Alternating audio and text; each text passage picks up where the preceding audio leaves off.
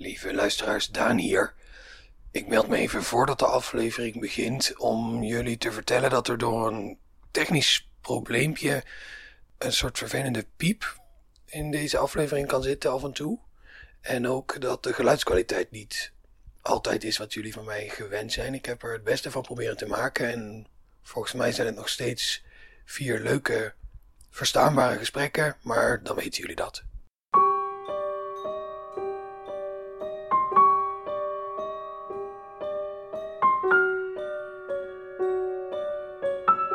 Dag lieve mensen op de Nacht van de Poëzie. En uh, dag lieve luisteraars thuis op een ander moment in ruimte en tijd. Uh, welkom bij de 74ste aflevering van de Poëzie Podcast. En welkom op de 39ste Nacht van de Poëzie. Mijn naam is Daan Doesborg en uh, ik ga hier vier dichters die ik uit de festivalprogrammering ontvoerd heb interviewen over één gedicht. En de eerste die zit hier naast mij en dat is Charlotte van der Broek. Welkom Charlotte. Dank u, dag Dan. Mag ik voor jullie voor Charlotte een heel hartelijk applaus? Ook de mensen thuis natuurlijk. Uh, dat horen wij dan niet, maar ze doen het allemaal wel braaf, heb ik mij laten vertellen. Um, vind je het leuk tot nu toe op de Nacht van de Poëzie? Ja, je bent er net. Ja, ik ben er net en uh, je hebt me letterlijk ontvoerd, want je stond me zo'n beetje uh, bij de kraag te vatten bij het binnenkomen. Ja, als dus, een echte creep. Ja, dus tot nu toe is het eigenlijk een sin meer sinistere ervaring dan dat de nacht echt al bezig is. Oh ja, nou, ik heb, ik, la, ik heb me altijd laten vertellen dat ik een veel te vriendelijke interviewer ben. Dus vanaf nu slaat het om als een blad aan een boom. Ja, ja. Het kan keren. Ja, precies. Ja. Um, jij hebt een gedicht uitgezocht? Uh, in allerijl? In allerijl, dat klopt. Um, het is het gedicht dat in de nachtbundel staat. Um, en je kijkt me aan alsof je wilt dat ik het voorlees? Ja, ja, dat eh, was inderdaad mijn volgende vraag. Ja, het werd wat leuk dat ik dat met mijn gezicht aan kan geven. Dat wist ik helemaal niet. Ja. Wel, het heet uh, sinaasappels. En het is uh, opgedragen aan um, ja, de vrouw van mijn leven, zal ik zeggen, Juicy June. Ja. Sinaasappels. Buts viel de sinaasappel van de boom. Een bluts, maar niets gebroken. Ze rolde nog een stukje door en bots, daar lag er ook een. Beide van de tak gewiebeld keken de twee sinaasappels omhoog en zagen voor het eerst wat hun bladerdak al die tijd verschool. Dat wijde vlak waarin witte bloesems drijven. En in de middag, als aan een onzichtbare loods, de oranje bol ter grootte van een mandarijn. En ze wisten wel hoe het sinaasappels doorgaans na verging. Gauw komt de hand die hen zou wegen en met een keurend kneepje in het vel zouden ze uiteengaan. Maar nog even waanden ze zich twee zonnen in het gras, losgezongen en geurend in de schil, safraangeel, sappig. Dankjewel. Um, meestal, meestal is dan mijn eerstvolgende vraag: waarom heb je dit gedicht gekozen? Maar ik, ik, zou daar voor de gelegenheid van willen maken: waarom heb je dit gedicht eigenlijk uitgekozen voor in die nachtbundel? Want dat lijkt me een ontzettend moeilijke keus. Wel, dat is eigenlijk was niet zo'n moeilijke keuze in die zin. Um, het was het enige gedicht dat ik nog had. uh, ik heb een hele. Um, ja, ik kan heel destructief zijn in een schrijfproces. En uh, ik heb vorig jaar een bundel uh, gepubliceerd en alles wat dan niet, al het materiaal dat niet in die bundel belandt, dat gooi ik weg of dat. Uh, en ja, dit heb ik als een geschenk geschreven voor mijn beste vriendin. Dus ja, dat kan ik niet weggooien, want het bestaat. Dus ik had eigenlijk geen ander materiaal. De bundel vraagt namelijk een ongepubliceerde, een ongepubliceerd gedicht en dan is het dit geworden. En dat maakt de keuze dan natuurlijk wel makkelijk uh, in één keer. Ja. En, en, en waarom doe je dat? Alles weggooien wat je niet in een bundel publiceert? Um, goeie vraag. Um, ik wil daar op een bepaalde manier van af. Dat zijn zo uh, knipperistjes of uh, ondermaatse regels of... Uh, als ik opnieuw begin te schrijven, want ik ben helemaal geen dichter die elke dag op een vast tijdstip eh, aan het werk gaat of zo. Ik schrijf eigenlijk heel monomaan in periodes. En eh, ik moet daar dan vanaf. Ja. Ja, want ja, ik kan me voorstellen dat. Ik weet dat Tom Waits bijvoorbeeld op een gegeven moment een, eh, een, een, driedubbel LP heeft uitgebracht met allemaal nummers waarvan hij zei: Dit zijn nummers die achter het fornuis zijn gevallen tijdens het koken. En, en dat, is, dat is wel heel mooi werk. Dus misschien heb jij wel allemaal prachtige gedichten. Kun je natuurlijk niet, geen, geen spijt aanpraten over, over uh, alles wat je weggegooid hebt. Maar ja, ik kan me voorstellen dat het ook juist wel iets op kan leveren om die dingen te bewaren. Ja, ik kan me het ook voorstellen, maar uh, helaas doe ik het. uh. Ja, nee, ik, ja, ik, misschien is dit, is dit een, een verschil in inborst hoor, maar ik, ik vind... Hou jij alles bij wat je niet gebruikt? Ja, nou ja, ik, ik, ik vind in ieder geval in, in de poëzie en in mijn huis heel spannend om dingen weg te gooien. Geen regelrecht afval, ik ben geen hoorder. Dus hè, het is niet dat de dozen tot schouderhoogte opgestapeld staan, maar, maar juist ook met gedichten denk ik toch altijd vaak, oh, en met elastiekjes en zo van, goh, misschien kan ik dat ooit nog een keer gebruiken. Gedichten en elastiekjes zijn even waardevol dan nog. Nou ja, we hebben, hebben evenveel potentiële bruikbaarheid in de voor mij onbekende toekomst. Hmm. Ja, de toekomst, uh, dat uh, stuurloze te veroveren gebied waar niemand invloed op heeft, toch? ik weet niet. Ja, dat klopt. En daar zijn ook elastiekjes te koop natuurlijk. Uh, ja, blijkbaar alles te koop. En gedichten te schrijven. Ja, dat wel, dat wel. Maar ik begin graag um, opnieuw.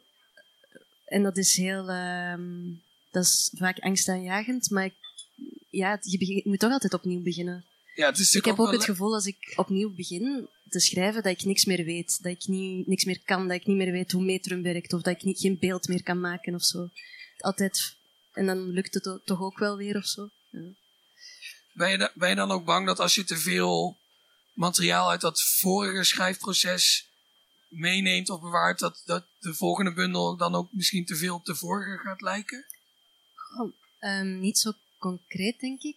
Maar mijn bundels verschillen wel heel erg van elkaar. Dus ik denk dat die uh, breuklijn die ik dan uh, kunstmatig installeer op die manier, dat die wel um, op die manier doorwerkt. Ja.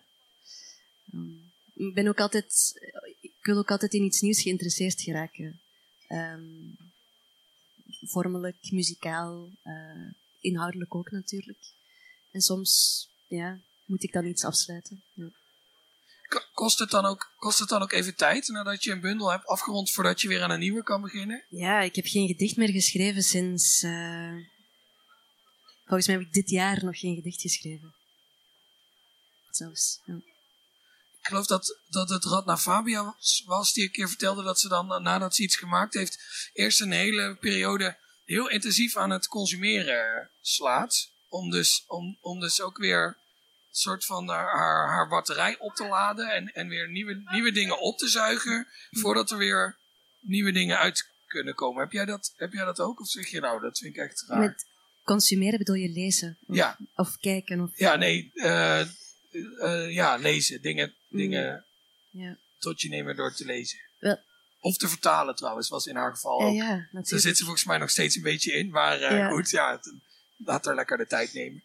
Um, ja, dat ik begrijp die impuls wel heel erg. Um, ik heb altijd de neiging om dan een beetje te gaan leven als ik uh, klaar ben met schrijven. Ik ben uh, een heremiet als ik aan het werken ben. En het is goed om dan even terug te socialiseren, een tijdje. ja. Zou je misschien je gedicht nog een keer willen lezen, zodat iedereen er uh, met een compleet veranderde blik nog eens naar kan luisteren? Ja, jij valt van de ene verrassing in de andere, omdat ik jou zo slecht gebriefd heb hierover, hè? Ja. het is het enige gedicht dat ik niet heb weggegooid. Nog eens. Oké, okay, ja. Uh, sinaasappels voor Juicy June. Buts viel de sinaasappel van de boom. Een bluts, maar niets gebroken. Ze rolde nog een stukje door en bots, daar lag er ook in. Beide van de tak gewiebeld keken de twee sinaasappels omhoog en zagen voor het eerst wat hun bladerdak al die tijd verschool, dat wijde vlak waarin witte bloesems drijven. En in de middag, als aan een onzichtbare lood, de oranje bol ter grootte van een mandarijn. En ze wisten wel hoe het uh, sinaasappels doorgaans na het rijpen verging. Gauw komt de hand die hen zou wegen en met een keurend kneepje in het vel zouden ze uiteengaan. Maar nog even waanden ze zich twee zonnen in het gras, losgezongen en geurend in de schil, safraangeel, sappig. Hartstikke bedankt. Heb je zin in je optreden zometeen? Ja, ik heb er heel veel zin in. Ik heb ook al heel lang niet meer voorgelezen, dus ik vind het ook wel spannend. Omdat je uit je heremietfase aan het komen bent. Uh. Ja, kom nog eens buiten. Ja. nou, uh, heel hartelijk bedankt dat je hier aan wilde schuiven. Mag ik een heel erg hartelijk applaus voor Charlotte van der Broek. Dank u. Merci. Uh, heel veel succes uh, zometeen. En wij zijn over uh, drie kwartier weer terug in deze mooie foyer. Met weer een nieuwe spannende dichter uit deze mooie spannende festivalprogrammering. tot zo. Lieve duizendkoppige menigte, hallo. En welkom opnieuw in het alternatieve podium van de Nacht van de Poëzie. dat met een oneerbiedige naam de Uitloopfoyer heet.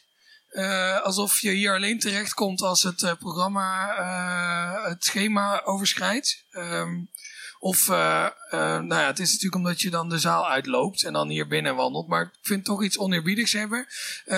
maar we, we, komen hier natuurlijk om de, de, de poëzie te eerbiedigen in al haar verschijningsvormen. En dat gaan we dit keer doen met mijn tweede gast die hier naast mij zit. En dat is Rob van Essen. Mag ik voor hem een daverend applaus?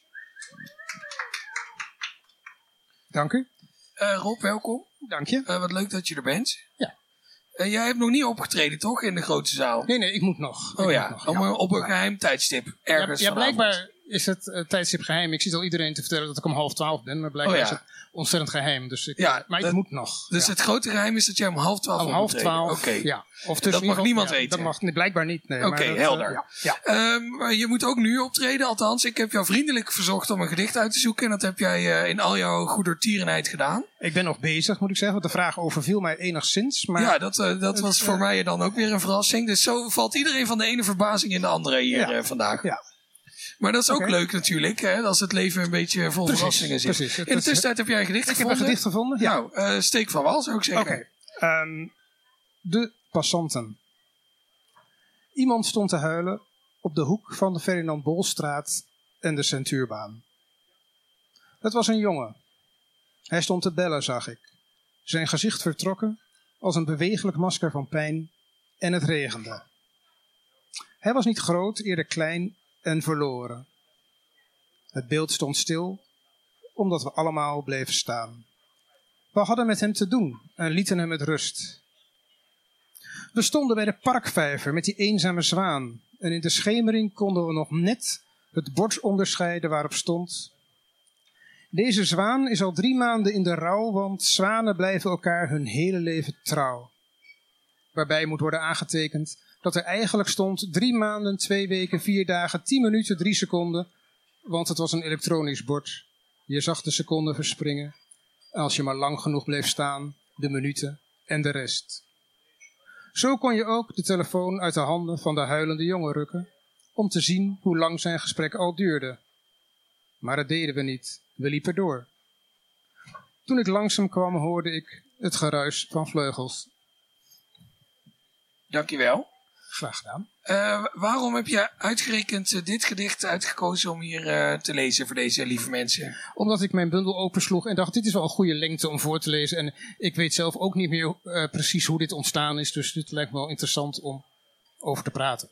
Oh ja, dus, dus je, weet, je weet niet meer hoe het... Hoe het ja, kijk, ik heb een herinnering. Hè, ja. Het is een specifieke plek. Wacht even, mijn bundel valt nu dicht.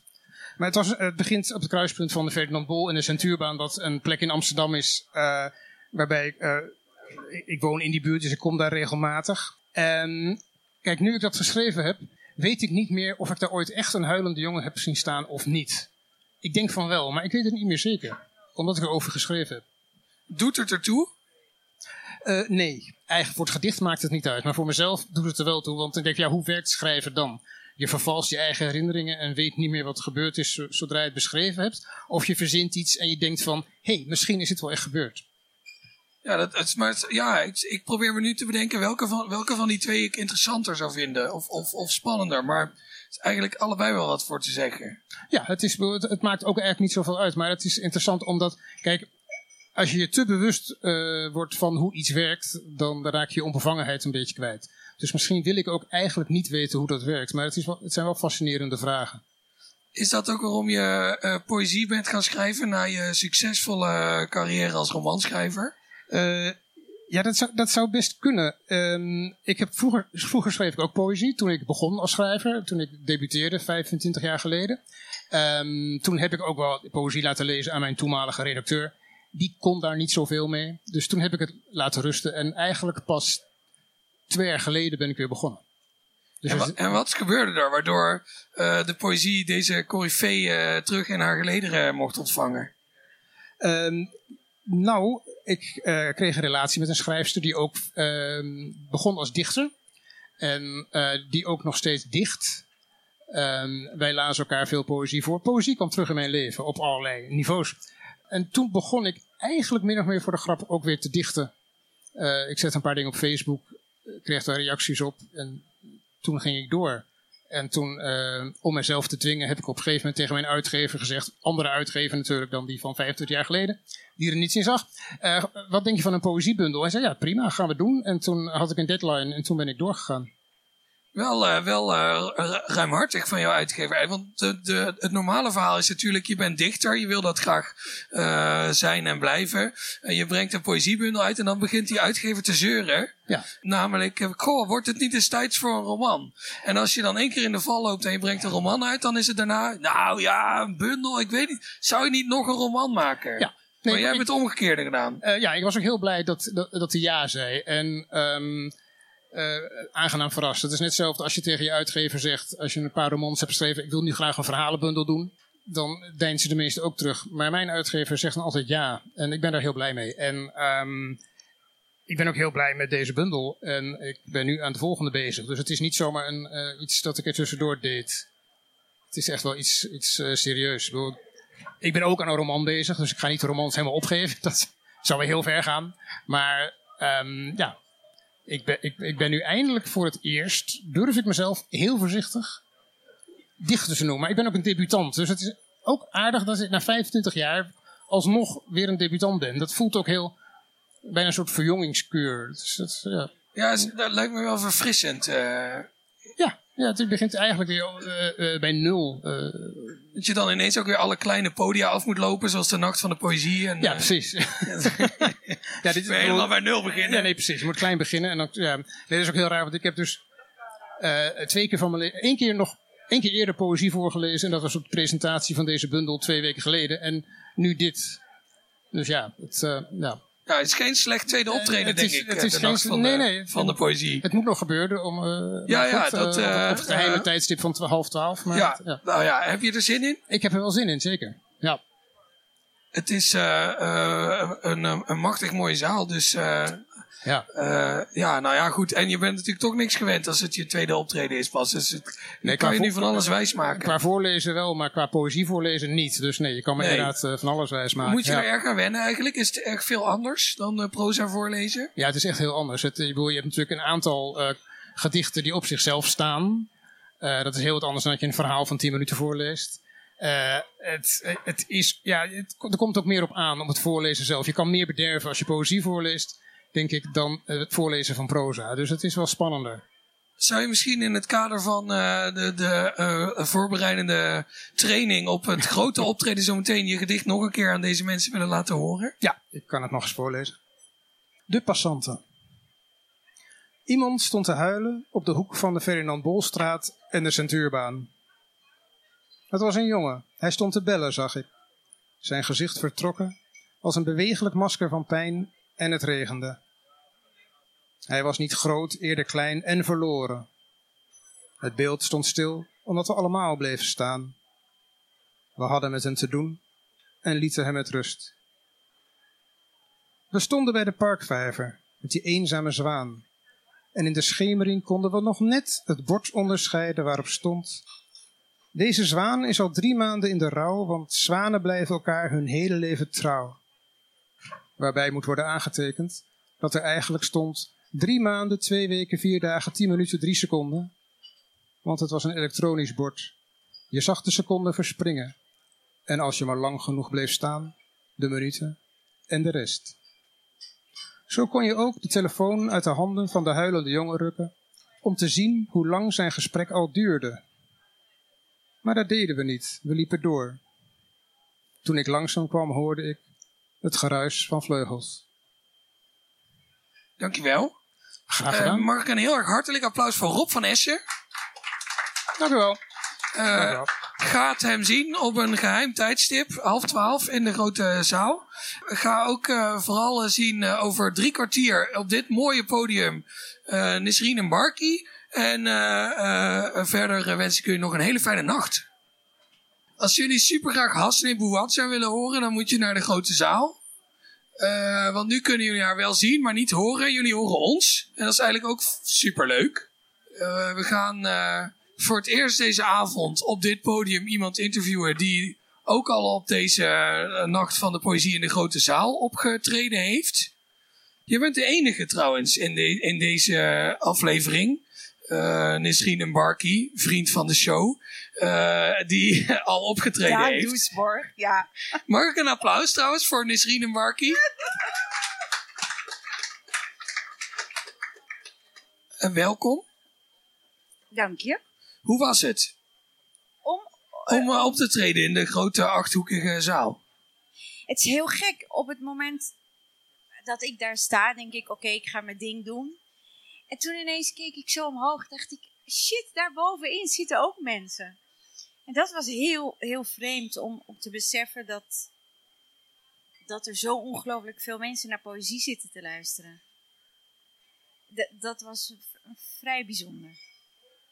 Dus toen dacht ik, oh shit, ja, maar dan zitten ze daar ook en daar ook. Dus ergens halverwege begreep ik dat die hele zaal vol zat.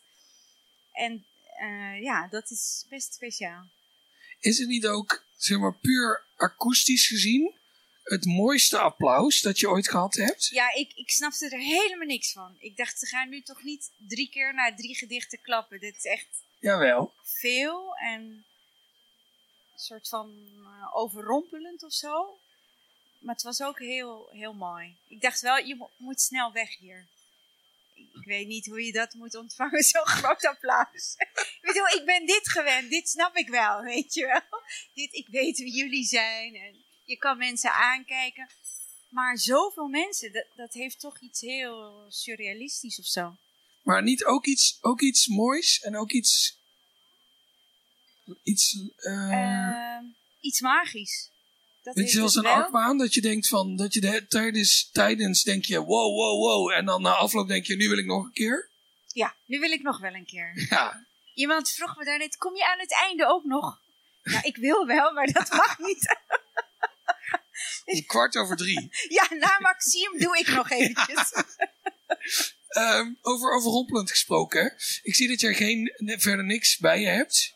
Ehm, nee, maar eh, je bedoelt geen boek. Ja, bijvoorbeeld. Nee, maar eh, terwijl we de trap opliepen, zei ik, ik heb geen boek bij me. En daar is iemand die zei, als Daan wil dat je voorleest, dan ga ik snel een boek halen. Oh, wat goed. Ehm, ja, nee, want ik, ik, ik kom er dus achter, maar volgens mij is dat echt niet waar. Maar ja, hoe langer, hoe langer dit zich zeg maar, blijft voltrekken, hoe meer ik aan mezelf ga twijfelen. Ik dacht dus dat ik keurig aan iedereen had laten weten dat we ook een gedicht gingen bespreken. Maar je bent de derde van de drie die daar niet van op de hoogte eh, is. Nu dacht ik, ja, er staat natuurlijk een gedicht van jou in de nachtbundel. En ik denk dat deze kabel lang genoeg is om voor jou een nachtbundel te pakken. Is dat een gedicht wat je zou willen voordragen? oh, kijk, nou ja, dat is Eh, jouw vertreffelijke eh, redacteur doet het dat al. is de beste redacteur van de wereld. Maar dat wordt ook over die redacteur gezegd, maar dat is er ook eentje. Ja, dat de wil de ik mensen wel. thuis hebben nu echt geen idee waar dit over gaat. En dat gaan we zo De houden. mensen thuis zien dit ook. Nee, die horen Oh, dit. die hoorden dit. Ja, Josje Kramer en Evie Hofs, de dames en heren, de beste redacteuren ever. Wil je dat ik nu voordraag? ja. Neus. Het gezicht van mijn grootvader is een wereldkaart van, voor, van oorlogen uit de vorige eeuw. Een eeuw die herhaaldelijk zelfmoord pleegde, zichzelf steeds opnieuw uitvond en zwakker werd, omdat elke strijd een orgaan of ledemaat als offer eiste. Mijn tengere grootvader werd naar verre oorden vervoerd. Hij streed voor machtige mannen. Met zijn Afrikaanse broeders was hij kanonnenvlees in Europa. Tijdens een groot schaakspel zag hij het aardse paradijs op Madagaskar. Tot zijn knieën stond hij in de rijstvelden in het hol van de Vietcong. Een kogel doorboorde zijn schouder en het dorpsgenoot beroofde hem van zijn trouwring. Armoede is vrij van trouw. Mijn grootvader werd oud en stil in het driedelig pak met een ves op zijn hoofd. Hij sprak zelden tegen ons, maar schold woest als we in de weg liepen. Dégage, merde, petit salopard, schreeuwde hij, terwijl hij de rest van zijn dagen naar het nieuws luisterde, zonder ooit naar de beelden te kijken. De enige erfenis die hij ons naliet, is zijn neus en een paar bijenkorven. Grootvader heeft onmogelijk kunnen weten dat hij het land van zijn kleinkinderen en achterkleinkinderen heeft bevrijd. Misschien heb ik tantes en ooms die verwekt zijn uit troost of geweld. Wellicht liet hij ons meer naar dan we weten. Want wat weten wij van legers? De enige loopgraven die ik ken zitten diep in mijn borstkas. Enkele brute pogingen van de liefde, eenvoudig door een pikhouweel uitgehakt. Landkaarten draag ik in mijn rugzak. Mijn zoon wil nu al de wereld in. De oude erfenis stopt hier. Hij zal een nieuwe wereldkaart moeten tekenen. De onze is nog nat van het bloed en achterhaald. Dankjewel. Alsjeblieft. Um, ik kan jou dezelfde vraag stellen die ik ook aan Charlotte van den Hoek uh, stelde. Omdat ik vond dat Charlotte daar een heel uh, spannend antwoord op had. Dus nu verwacht ik van jou niets minder. Nee. Oeh, de lat is zo hoog. Nee, um, nee uh, normaal gesproken vraag ik dan nadat iemand een gedicht heeft voorgedragen. waarom ze dit gedicht hebben gekozen om voor te dragen. Maar in dit geval ben ik wel benieuwd. Omdat het me namelijk een onmogelijke opgave lijkt. Waarom heb je dit gedicht gekozen voor in de nachtbundel? Ik weet niet of je zo'n spannend antwoord krijgt. En ik weet ook niet of ik het gekozen heb om in de oh. nachtbundel. Nou, ik vind dit nu al een eh, spannend antwoord. Het antwoord van Charlotte was trouwens omdat ik er verder geen meer had. Dus zij had eigenlijk helemaal geen spannend antwoord. Dus jouw antwoord is nu al intrigerender. Ga ja. vooral verder.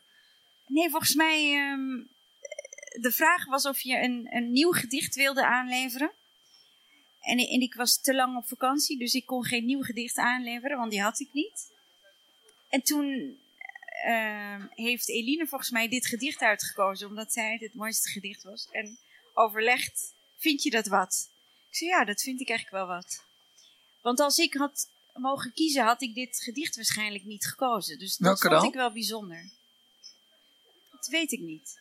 Misschien, um, misschien in den beginnen, of uh, zout, of... Uh, iets anders. Dus ik vond het eigenlijk heel leuk dat er een gedicht werd gekozen wat ik zelf helemaal nooit zou uitkiezen. En, en waarom zou je deze niet... Dit is, wel echt, dit is wel een mooie omkering van de vraag die ik uit een treur aan iedereen stel. Waarom, waarom zou je dit gedicht niet gekozen hebben om hiervoor te nou, dragen? De vraag is niet waarom niet, maar ik zou eerder andere gedichten kiezen. Dat oh ja, is het eigenlijk. Dus, dus, dus het is geen uitsluiting van dit gedicht.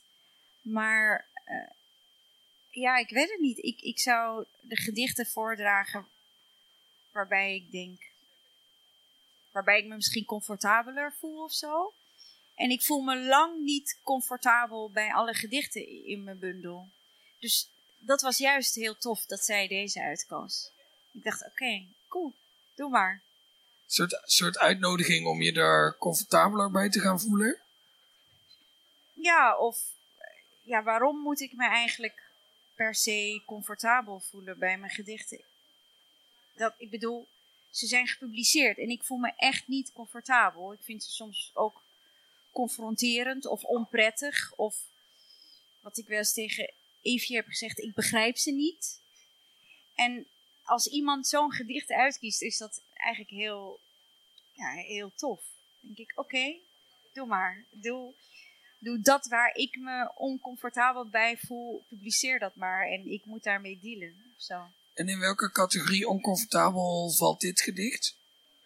ik weet niet of ik categorieën heb. Ja, je zei net... Ik eh, heb alleen confronterende gedichten of gedichten die ik niet ja, begrijp. je zei of confronterend of, ik- of onprettig of ik ja, begrijp ze niet. on- ja, precies. En dit is een beetje. Ja, misschien voel ik me zoals dat gezicht van mijn grootvader. Dat ik denk, ja, maar het is allemaal niet zo heel cool. En het is niet zo heel erg tof. En ja, ik heb een grootvader die, eh, weet je, ons land heeft bevrijd. En ik weet niet hoe ik me daar tegenover moet positioneren. En, dus het is dat allemaal. En ja, hij schold heftig en woest in het Frans. En ja, dat hebben wij allemaal overgenomen van hem. En we weten totaal niet, ja, behalve dat hij eh, verliefd is geworden op een Duitse verpleegster. Dat weten we wel, want dat heeft hij op zijn sterfbed gezegd. Maar heel veel weten we niet over dat, dat leven van zo'n vreemdelingenlegioen. Want hij was, hij zat bij het vreemdelingenlegioen. Dus ik voel me heel oncomfortabel bij al dat soort dingen. Ik wil ze wel begrijpen en uitzoeken, maar ja, het blijft eh, een soort van, ja, ik weet het niet. Het heeft invloed op mijn leven. Het heeft gemaakt wie ik ben, omdat ik zijn kleinkind ben. Maar het is tegelijkertijd niet mijn leven. Dat is misschien de discomfort erin, laat ik het zo zeggen. En, en verandert daar dan nog iets aan op het moment dat je dat gedicht wel voordraagt? Eh, of, of doordat je dat gedicht geschreven hebt? Doet dat, doet dat iets of, of blijft het hetzelfde? Of wordt het groter? Ja, het is een soort spiegel van dat, dat ik ook een product ben.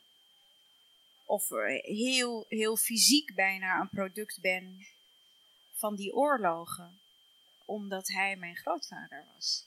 Dus dat maakt dat ze heel dichtbij komen.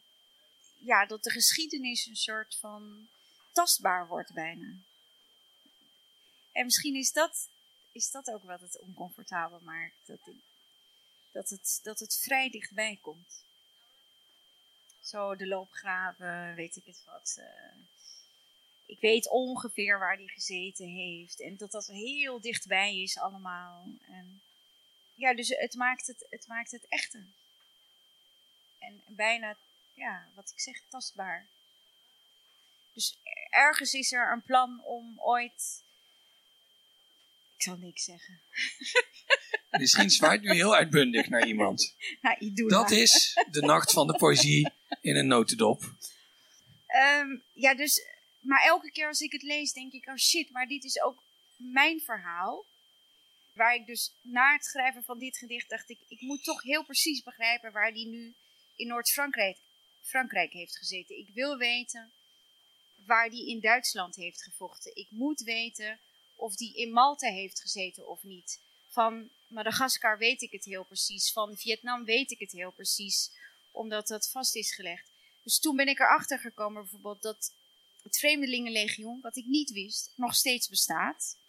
En toen eh, ben ik ze uitgebreid gaan mailen en bellen van oké, ik wil heel graag weten waar mijn grootvader heeft gezeten en kan ik zijn dossier inzien. Dus nou ja, dat is bijvoorbeeld iets, dat zal waarschijnlijk een verhaal worden of, of zoiets, wat ik moet gaan uitzoeken. En die mogelijkheid bestaat. Dus ze zeiden, nou, komt u maar met een bewijs dat u zijn kleindochter bent. Dus een, een uitreksel van mij, van mijn moeder, van hem. En dan krijg ik toegang tot zijn dossier in Rouen.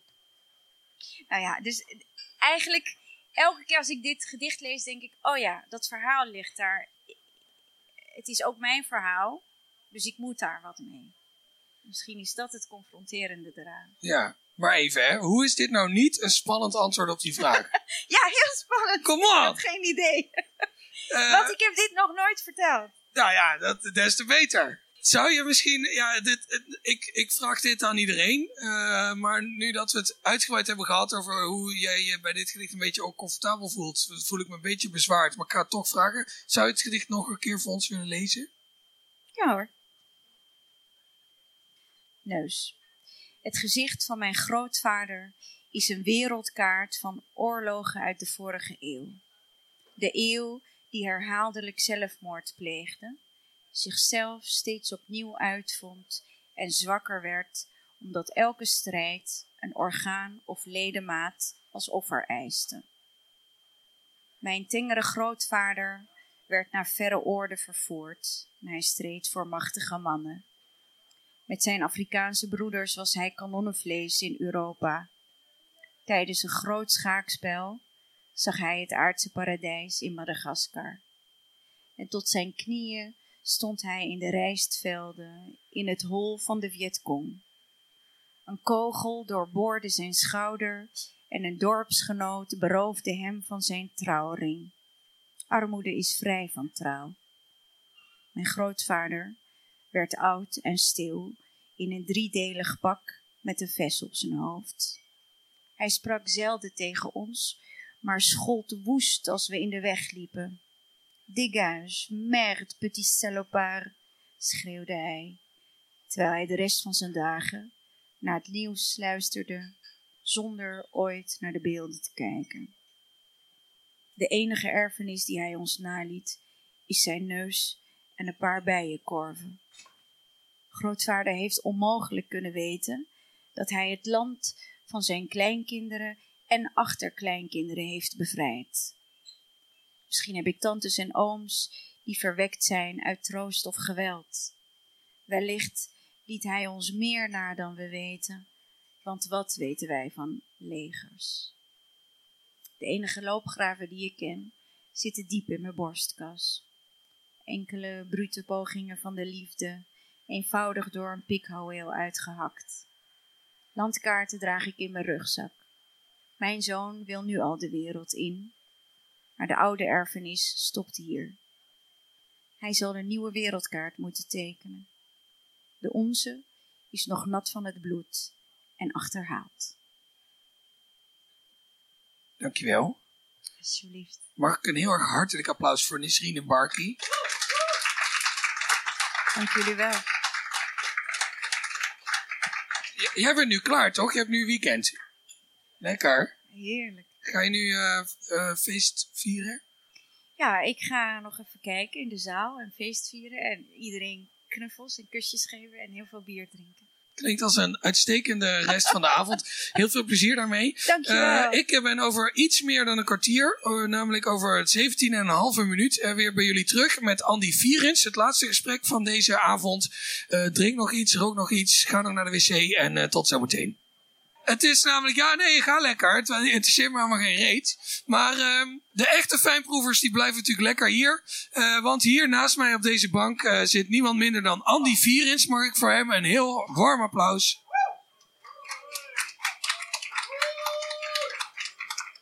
Andy, welkom. Dag Daan. Eh, hoe was Hans Klok? Ehm, we hebben eigenlijk maar een klein stukje gezien, maar ik vond het wel fascinerend. Ehm, je weet dat het allemaal opgezet spel is en je laat je er toch helemaal door meevoeren. En dat vind ik fantastisch. Die magie eh, die hij toont, dat is de magie die je eigenlijk ook vindt in een, eh, in een goed gedicht. Vaak. Ik begreep wel dat je anders dan Ik, bij een ik was mij gedicht- wel, eh, ik was mij wel aan het afvragen, de hele tijd, is het nu zijn echte haar nog of zijn het, is het een implantaat? Dat is de echte illusie, hè? Ja. Maar ik begreep wel dat je anders dan bij een goed gedicht wel recht ervoor moest zitten. En niet een beetje aan de zijkant of een beetje hoog. Want dan eh, vallen er een aantal illusies in het water. Oh. Ja, zo werkt het dan ook alweer een keer. Dat is het mooie van poëzie natuurlijk. Dan maakt de hoek niet zoveel uit. Eh, over mooie poëzie gesproken. Het is echt een, eh een, een, een goochelaarachtig goed bruggetje. Eh, jij hebt een aantal gedichten meegenomen in diverse categorieën. Eh, blijkbaar, ja. Ja, ehm, nee, dat vertelde je net toch? Je hebt een, je hebt, nee, maar, nou, we laten we gewoon eh, een man en paard noemen. Je hebt een boekje bij je en daar staan een aantal gedichten in die je graag uit je hoofd zou willen leren. Wel, je had mij gevraagd om een gedicht mee te brengen en ik had geen tijd om iets eh, uit te zoeken, dus ik heb gewoon een schriftje meegebracht waar allerlei dingen in staan. Ik ben ehm, tijdens de lockdowns opnieuw begonnen met het uit het hoofd leren van gedichten. Dat was omdat deze prachtige vrouw in mijn leven is, eh, is gekomen en ik wilde indruk maken op haar. Ik ben niet verder gekomen dan één gedicht, eh, maar dat heb ik dan toch maar gedaan. Ik vind gedichten uit het hoofd leren zeer moeilijk. Ehm, ook andere teksten. Ik vind het heel moeilijk om dingen uit het hoofd te leren. Ik lees dan ook altijd voor op het podium. Ehm, maar ik ben toch blij dat ik het gedaan heb. En ik vind het wel een meerwaarde als je het kan. Uh, niet zozeer om op te treden, maar voor jezelf. Hè? Dus ik vind het wel fijn om dingen die je echt heel goed vindt, om die, uh, om die te kennen, om die altijd voor de geest te kunnen halen. Ja. En welk gedicht was dat? Um, wat ik voor, uh, voor Rijnen heb geleerd, dat was een, een gedicht van Baudelaire. Le Serpent qui danse. In het Frans? In het Frans, want zij is half Franstalig. Ah, kijk. En, en dat heeft gewerkt? Uh, ja, het was niet meer nodig eigenlijk op dat moment. Maar het, uh, je ja. wou indruk maken, toch? Ik wou indruk maken, ja, ja, ja. Maar we waren al een koppel. Hè? Dus, uh, ja. Maar kan je nog, nog wel indruk maken, toch? Ja, ja, het is ook niet helemaal gelukt toen ik het aan voordroeg. Maar ik ben toch driekwart, uh, van het gedicht heb, ik toch, heb ik toch kunnen, ja, heb ik toch kunnen reciteren. Dat is toch meer, dat is meer dan wat ik van Baudelaire in mijn hoofd ken. Ik Twijfel ik niet. En zeker in het Frans waarschijnlijk. Zeker niet in het Frans, ja. inderdaad. Um, en, maar je hebt dus nu, naar aanleiding van dit eclatante succes, dacht jij, ik maak een boekje met andere gedichten die ik een keer uit mijn hoofd ga leren. Wel, ik, uh, ik was nog eens terug gaan kijken. In de middelbare school heb ik ook een paar gedichten uit het hoofd moeten leren. Die kende ik niet meer, maar ik merkte... Uh, nee, ik tracht op poëtische wijze van Lucebert uh, bijvoorbeeld. En ik merkte wel als ik die weer vastnam en ik, uh, ik las die een paar keer, dat het, dat het wel vrij snel terugkwam. Um, um, en ik moest ook denken aan, uh, aan, ja, aan Brodsky, uh, Jozef Brodsky, de Russische dichter, die in de Gulag heeft gezeten en die ja, daarna eigenlijk het land is uitgezet. in Amerika prof is geworden. Um, die gaf blijkbaar aan zijn leerlingen altijd de opdracht aan het begin van het academiejaar van kijk, leer dit jaar uh, tien, of het kunnen er ook vijf geweest zijn, maar x aantal gedichten uit het hoofd. En als men dan vroeg, ja, waarom moeten wij dat kunnen? En dan zei hij van, ja, dat is eigenlijk een cadeau. Want je mag zelf kiezen welke gedichten. Um, en als gedichten zijn die, die belangrijk zijn voor jou, die je knap vindt, die je mooi vindt, uh, waar je energie uit haalt of die jou ontroeren, dan is dat een cadeau voor de rest van je leven. Hè? Want die ga je voor altijd bij jou dragen. En dat vond ik wel een heel uh, ja, mooi idee, een mooi gegeven. En daarom dacht ik, uh, ja, ik ga dat ook doen, maar dan is het leven er weer tussen gekomen. Maar ik verzamel ze ondertussen wel in een boekje. En dus um, van deze gedichten in dit boekje heb je er nog geen daadwerkelijk uit je hoofd geleerd? Eén, Le Serpent qui danse. Oh ja, oh, die staat hier ook in. Ja. ja. ja. En, en uh, je wou een van die gedichten hier voordragen, weliswaar uit het boekje. En nee, dat wil oh, ik niet per se, maar ik zal het doen als, uh, als jij het wil. Ja. ja. Ja, mag ook iets anders. Ik bedoel, ik ben heel meegaand. Uh, misschien, uh, ja, misschien dan ook iets van Baudelaire, maar iets anders en dan in het Nederlands. Oh, dat is goed. En de vertaling van wie? Menno Wichman. Kijk, nou ja, daar, daar is natuurlijk altijd ruim baan voor in deze podcast. Menno Wichman was een, een grote Baudelaire-fan.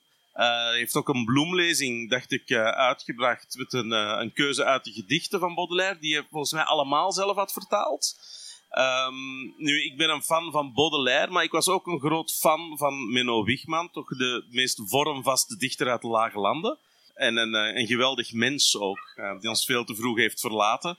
En ik heb verschillende vertalingen gelezen van het gedicht dat ik, dat ik ga voorlezen, maar die van Menno is toch mijn favoriete. Ja. Uh, wees altijd dronken. Um, het was er misschien op het lijf geschreven. Uh, uh, maar die, die, dat is de titel van het gedicht, maar dat is natuurlijk niet waar het echt om gaat. Baudelaire wil daarmee niet zeggen, wees effectief altijd straalbezopen, maar haal alles uit het leven wat er uit te halen valt. zal ik het voorlezen? Heel graag. Wees altijd dronken. Wees altijd dronken. Dat is alles. Het enige wat ertoe doet. Om niet de helse last te voelen van de tijd die je schouders breekt en je naar de aarde drukt, moet je je onophoudelijk bedrinken. Maar waaraan? Aan wijn, aan poëzie of aan deugdzaamheid, net wat je wilt, maar bedrink je. En mocht je soms ontwaken op de trappen van een paleis, in het groene gras van een greppel, in de sombere eenzaamheid van je kamer en merken dat de dronkenschap al verminderd of verdwenen is, vraag dan aan de wind, de golven, de sterren, de vogels en de klok, aan al wat vliet, al wat zucht, al wat rolt, zingt of spreekt, Vraag dan hoe laat het is. En de wind, de golven, de sterren, de vogels en de klok zullen je antwoorden. Het is tijd om dronken te worden. Bedrink je om geen gemartelde slaaf van de tijd te zijn. Bedrink je altijd maar weer aan wijn, aan poëzie of aan deugdzaamheid. Net wat je wilt. Charles Baudelaire. Dankjewel. En eh, ja, nou ja, ik, ik, ik wil eigenlijk vragen, waarom wil je dit gedicht uit je hoofd leren? Maar het, het spreekt aardig voor zich. Hè, dat, dat als je dit te pas en eh, liefst ook vooral te onpas uh, zou kunnen scanderen waar je ook bent, dan wordt het leven leuker van, denk ik. Ja, ja, ja ik zie, de mensen hier die zijn ineens ook veel vrolijker dan, dan, dan twee minuten geleden, inderdaad. Ja, ja dat is iets. Er zijn nog zo, er zijn nog zo van die dingen Um, het, het, is een soort van levensadvies en dat komt altijd wel van pas. Maar, maar ik kan anders nog eentje voorlezen. Ja, natuurlijk. Wel, er is een dichter. Uh, ik, ik, treed regelmatig op uh, voor middelbare scholieren. Um, heel vreemd, maar de laatste jaren hoor ik vaker en vaker van collega's dat zij dat niet meer willen doen, omdat uh, jongeren onhandelbaar zouden zijn. Um, en niet aandachtig en, en rare opmerkingen maken. Maar ik vind eigenlijk dat het allemaal wel meevalt en, en ook dat het er wel een beetje bij hoort. Uh, dus ik heb er helemaal geen probleem mee. Uh, maar uh, een gedicht dat ik voor die jongeren wel eens voorlees, sinds kort eigenlijk, dat komt van Stijn de Pape. En Stijn de Pape dat was een dichter die, die schreef um, ja, actualiteitsgedichten in de Belgische krant De Morgen. Um, en dat waren hele korte gedichten. Um, en ik vond die eigenlijk strontvervelend. Ik vond hem ook een strontvervelend dichter. Uh, maar hij is overleden een aantal maanden geleden. Um, hij was ziek, hij had kanker. En uh, ja, ik, ik was dan toch eens gaan kijken. En dan ben ik online, hè, wat hij nog allemaal had geschreven, ben ik online op iets gestoten. Uh, en dat is eigenlijk ook zo'n beetje, ja, zo'n zo gedicht. Um, de titel is Wat helpt. En dat, is ook, het is een gedicht dat, dat helpt.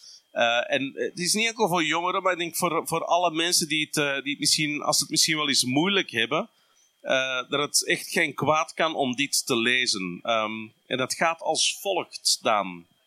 Als vloeken helpt, dan vloek je maar. Maak herrie, stennis en misbaar.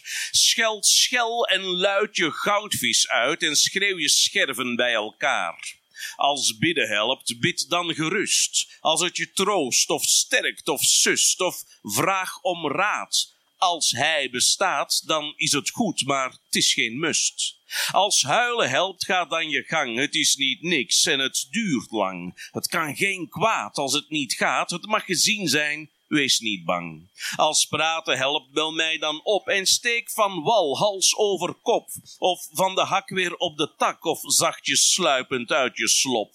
Als lopen helpt, vertrek meteen, zeer doelgericht of nergens heen. Het hoeft niet snel, al mag dat wel, met verre vrienden of alleen. Als zwijgen helpt, wees dan maar stil en duik als dat is wat je wil. Een tijdje weg van pijn en pech, als je weer opduikt geef een gil. Als lachen helpt, ken ik een grap. Of val dol komisch van de trap. Denk aan je kat die keer in bad. Of aan het Belgische staatsmanschap.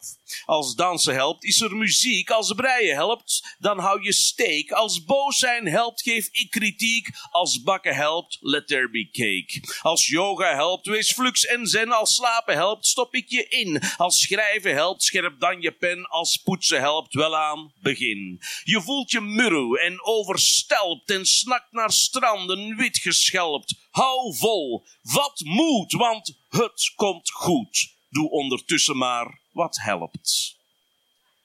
Stijn de Pape. Dankjewel. Ik kan, ik kan me wel voorstellen aan wat er, wat er vrevel opwekt bij gedichten als dit. Die eigenlijk net te goed kloppen. Is dat... Uh... Uh, goh, ja, bij, bij dit gedicht heb ik dat helemaal niet. Maar bij zijn andere gedichten wel, die ik eigenlijk heel, heel flauwe, flauwe versjes vond. En um, ja, het, het, rijmt, het rijmt wel. Het is, het is allemaal niet zo ingewikkeld. Dus sommige mensen zullen dat hiervan ook wel zeggen.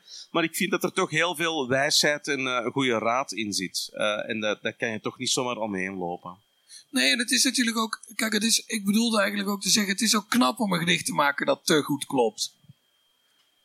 Ehm, knap, ja. Ik vind het zelf wel leuk als ik, iets, als ik iets moet maken dat klopt, om er toch iets in te steken dat het weer helemaal eh, doet ontsporen. Ja, nee, ik zat ook te denken dat... Zeg dat dan, we kunnen eigenlijk ook gewoon iets gaan drinken, want er is niemand meer. ja, dat is waar inderdaad. En Het dat is, die eh, nou laatste ja, drie mensen gewoon aan de, deze, aan de, eh, aan de bar gaan nou ja, staan. en natuurlijk die honderden luisteraars thuis die maar dit het ook is horen. natuurlijk wel die ene, eh, meneer, ja, die andere mensen ken ik niet, maar die ene man, die Casper Peters, dat is toch wel bijzonder om die eh, in het... eh, ja, Lucas Marieke eh, is ondertussen bezig. Oh ja, daar is iedereen Ja. natuurlijk. Ja. Ik kan je nog één vraag stellen en dan gaan we bier drinken. Ja. Jij moet zo meteen op een geheim tijdstip moet jij nog optreden. Tussen kwart voor één en kwart na één. Ja, precies. Heb je er zin in? Ja, altijd. Het is een... Vooral achteraf. Want? Waarom? Wa- Waarom achteraf? Oh, goh, het is niet zozeer dat ik zenuwachtig ben eh, voor een optreden, maar het is altijd lang wachten. Ja, dat is waar. En, Dus, eh, en, en dan moet je proberen nuchter te worden. Hoewel jij tegen mij zei van tevoren dat je eigenlijk wel wilde zorgen dat je dronken was voordat je het podium betrad. Want anders heeft het allemaal geen zin meer. Andy Vierens, Het 2022. was een privé-sms'je. nou, dan knip ik dat eruit. Hey, heel erg hartelijk dank. Eh, heel graag gedaan. Heel veel plezier Het zo ziet er meteen. heel goed uit trouwens. En wat zei je? Het ziet er heel goed uit. Dankjewel, jij ook. Een mooi, mooi jasje heb je aan. Ja, dankjewel. En wat wil je drinken, lieve Andy? Ehm, Oké, ik zal dan samen met jou een biertje drinken. Dat is goed. Ja. Eh, dit was aflevering 74 van de Poëzie Podcast, die live eh, tot jullie kwam vanaf de 39e Nacht van de Poëzie in Tivoli Vredenburg.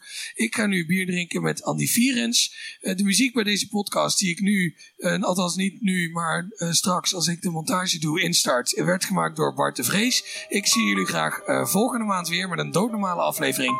Tot dan. Ja, mag hoor. Je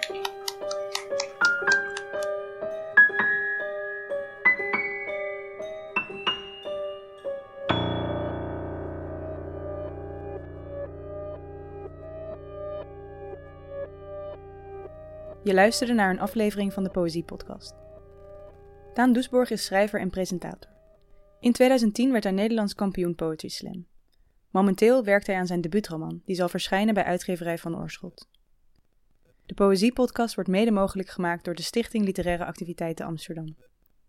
Bij ons draait alles om literatuur. We maken programma's voor de hele stad, online en offline. Al onze podcasts zijn ook te beluisteren via onze website www.sla.nl/slaakast.